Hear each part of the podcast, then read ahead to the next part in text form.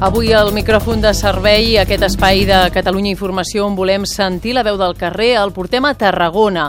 El nou pla de mobilitat de l'Ajuntament de la ciutat ha provocat molts recels entre els veïns per l'eliminació de totes les places d'aparcament gratuïtes.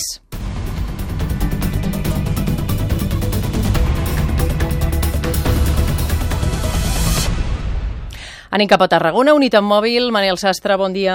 Hola, molt bon dia. Som al final de l'Avinguda Maria Cristina aquí a Tarragona. Hem donat un tom pel centre de Tarragona, les zones on ja s'ha establert aquest nou pla de mobilitat per part de l'Ajuntament de Tarragona per copsar eh, com està eh, funcionant aquest pla de mobilitat, com eh, veiem que en aquests moments, per exemple, la zona on ens trobem ara mateix, les zones verdes estan pràcticament desocupades en el tram de zona que ens trobem. Hi ha molta gent que decideix no aparcar aquí. I és que la ciutat de Tarragona ha posat en marxa aquest pla de mobilitat que explicaves per intentar millorar la seguretat viària i per facilitar els moviments i la rotació de vehicles. Entre les mesures més polèmiques del pla hi ha l'eliminació de totes les zones gratuïtes d'aparcament que quedaven al centre de la ciutat, unes 4.000, per convertir-les totes en zones verdes o taronja, és a dir, bàsicament, de pagament.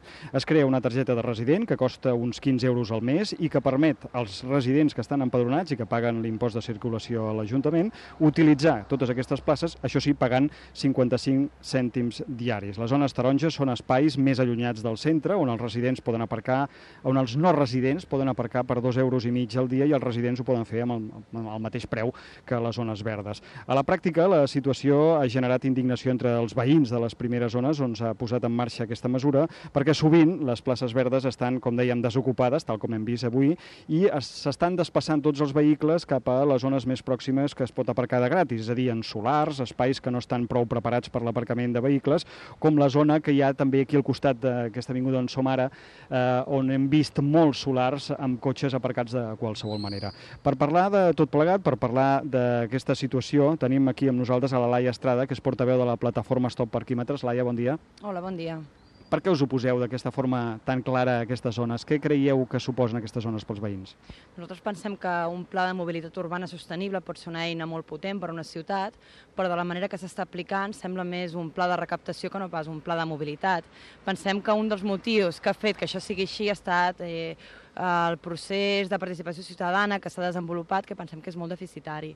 Llavors ens trobem que hi ha zones, com les que tu has descrit, que realment doncs, ara mateix no s'estan utilitzant i a la vegada veiem les entrades de la ciutat que estan arrebentades de cotxes, que estan aparcats en, en zones que no, que no, que no s'hi hauria d'aparcar. Ahir vau presentar més de 2.000 firmes a l'Ajuntament per intentar reconduir aquesta situació. Què demaneu al consistori?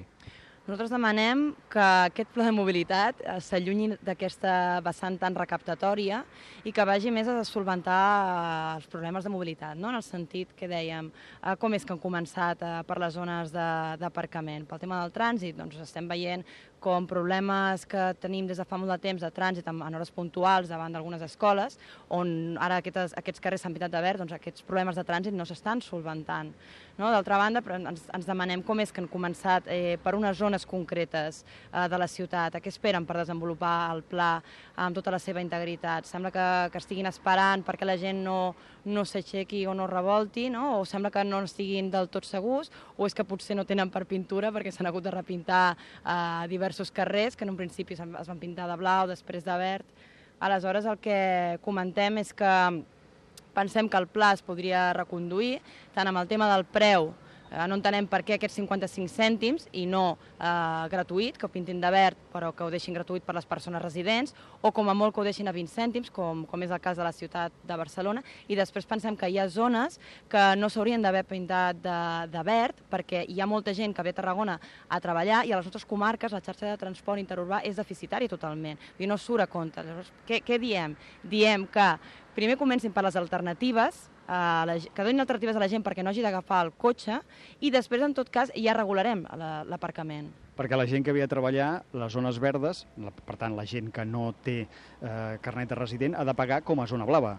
Clar, exacte. Llavors, eh, això és un greuge per tota, aquesta, per tota aquesta gent, perquè, evidentment, tal com estan les coses amb, amb el preu del gasoil, eh, si tens una alternativa de transport públic que és de qualitat, vull dir que passa en freqüència i que és econòmica, eh, evidentment prefereixes agafar el transport públic. El que passa és que no hi ha aquesta opció, no hi ha aquesta alternativa. Aleshores, eh, començar directament eh, pintant de verd totes aquestes zones, doncs jo penso que és un gran error. Tenim aquí amb nosaltres també l'Amanda Benítez, que és veïna de la cançona de Via Augusta. Amanda, bon dia.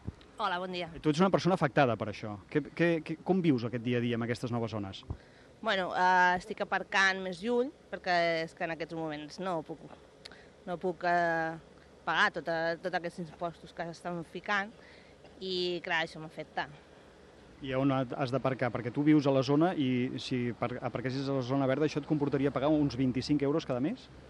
Uh, més, és que jo porto 4 anys aquí i, bueno, per manca d'informació, diferents parts m'estan dient com puc eh, comprar aquesta targeta i fer les gestions, però cadascú em diu una cosa diferent. I aquí també amb nosaltres tenim el Marc Ferrer, que és un altre veí afectat. Com t'afecta tu el dia a dia aquestes, aquestes noves fórmules d'aparcament? Hola, bon dia. Mira, jo, tinc, jo visc a la Peralta des de fa 8 anys, eh, i aquestes noves no m'afecten perquè jo no faig servir el cotxe cada dia per anar a treballar, i a mi anava molt bé deixar un cotxe en alguna zona per poder-lo aparcar i oblidar-me'n durant la setmana. Ara em toca cada dia, abans d'anar a treballar, aixecar-me 20 minuts abans, perquè, clar, les zones per posar eh, per, el tíquet estan bastant allunyades de la Peralta i em toca anar cada dia 20 minuts a caminar a posar el tíquet o a la nit preocupar-me d'anar a posar el tíquet. No? És una mesura, la de targeta resident. Anteriorment al pla de mobilitat existia una targeta resident pels veïns de la Peralta.